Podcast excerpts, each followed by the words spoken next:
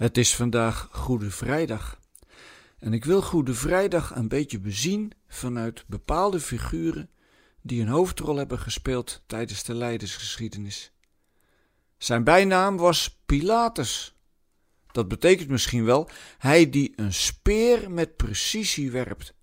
Maar op een of andere manier had hij misschien wel het gevoel dat hij deze keer het doel had gemist, niet in de roos had geschoten. Maar hij had toch gewoon zijn functie als rechtspreker uitgeoefend? Het was een vreemde ochtend. Jezus liet in zijn leven blijken dat zijn liefde ver boven de regels uitging.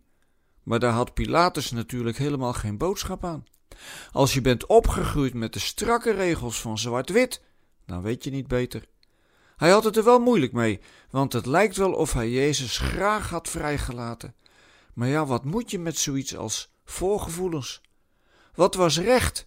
Handelen volgens de formele regels van het Romeinse Rijk? Die waren er vooral voor rust en orde. Daarom liet hij Jezus ook kruisigen. Maar na dat schijnproces op zijn nuchtere maag vroeg hij zich misschien stiekem zomaar af of er niet nog meer is dan de formele regels. Normaal maakte Pilatus korte metten met tegenstanders, maar deze keer aarzelde hij.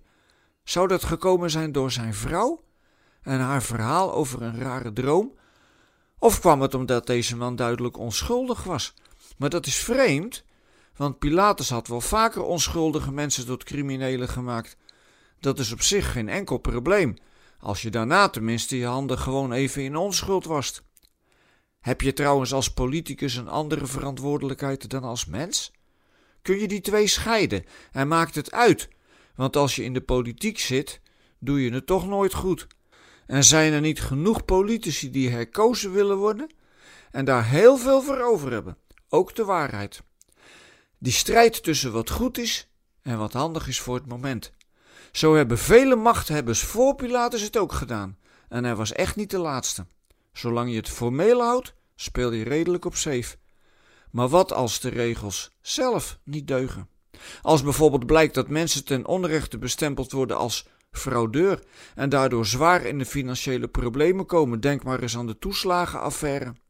Of als een stelletje religieuze heethoofden een onschuldige man wil offeren voor hun godsdienstige belangen. Of als vluchtelingen bestempeld worden als profiteurs en gelukzoekers en we daarom besluiten ze in een kamp te stoppen. Het is geweldig hoor hoe we nu met de opvang van mensen uit Oekraïne omgaan. Maar er zijn ook kritische stemmen die zeggen: Waarom deden jullie dat niet met de Syriërs? Pilatus had geleerd bij zijn opleiding dat zijn geweten in Rome lag. En waar ligt dat van ons? Ook bij het je verschuilen achter de regels?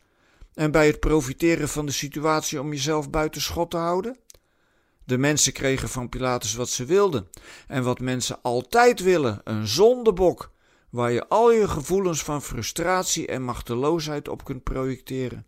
Dus wie weet vond hij dat hij toch de juiste beslissing had genomen en daarom nogmaals zijn handen kon wassen, in water of in bloed.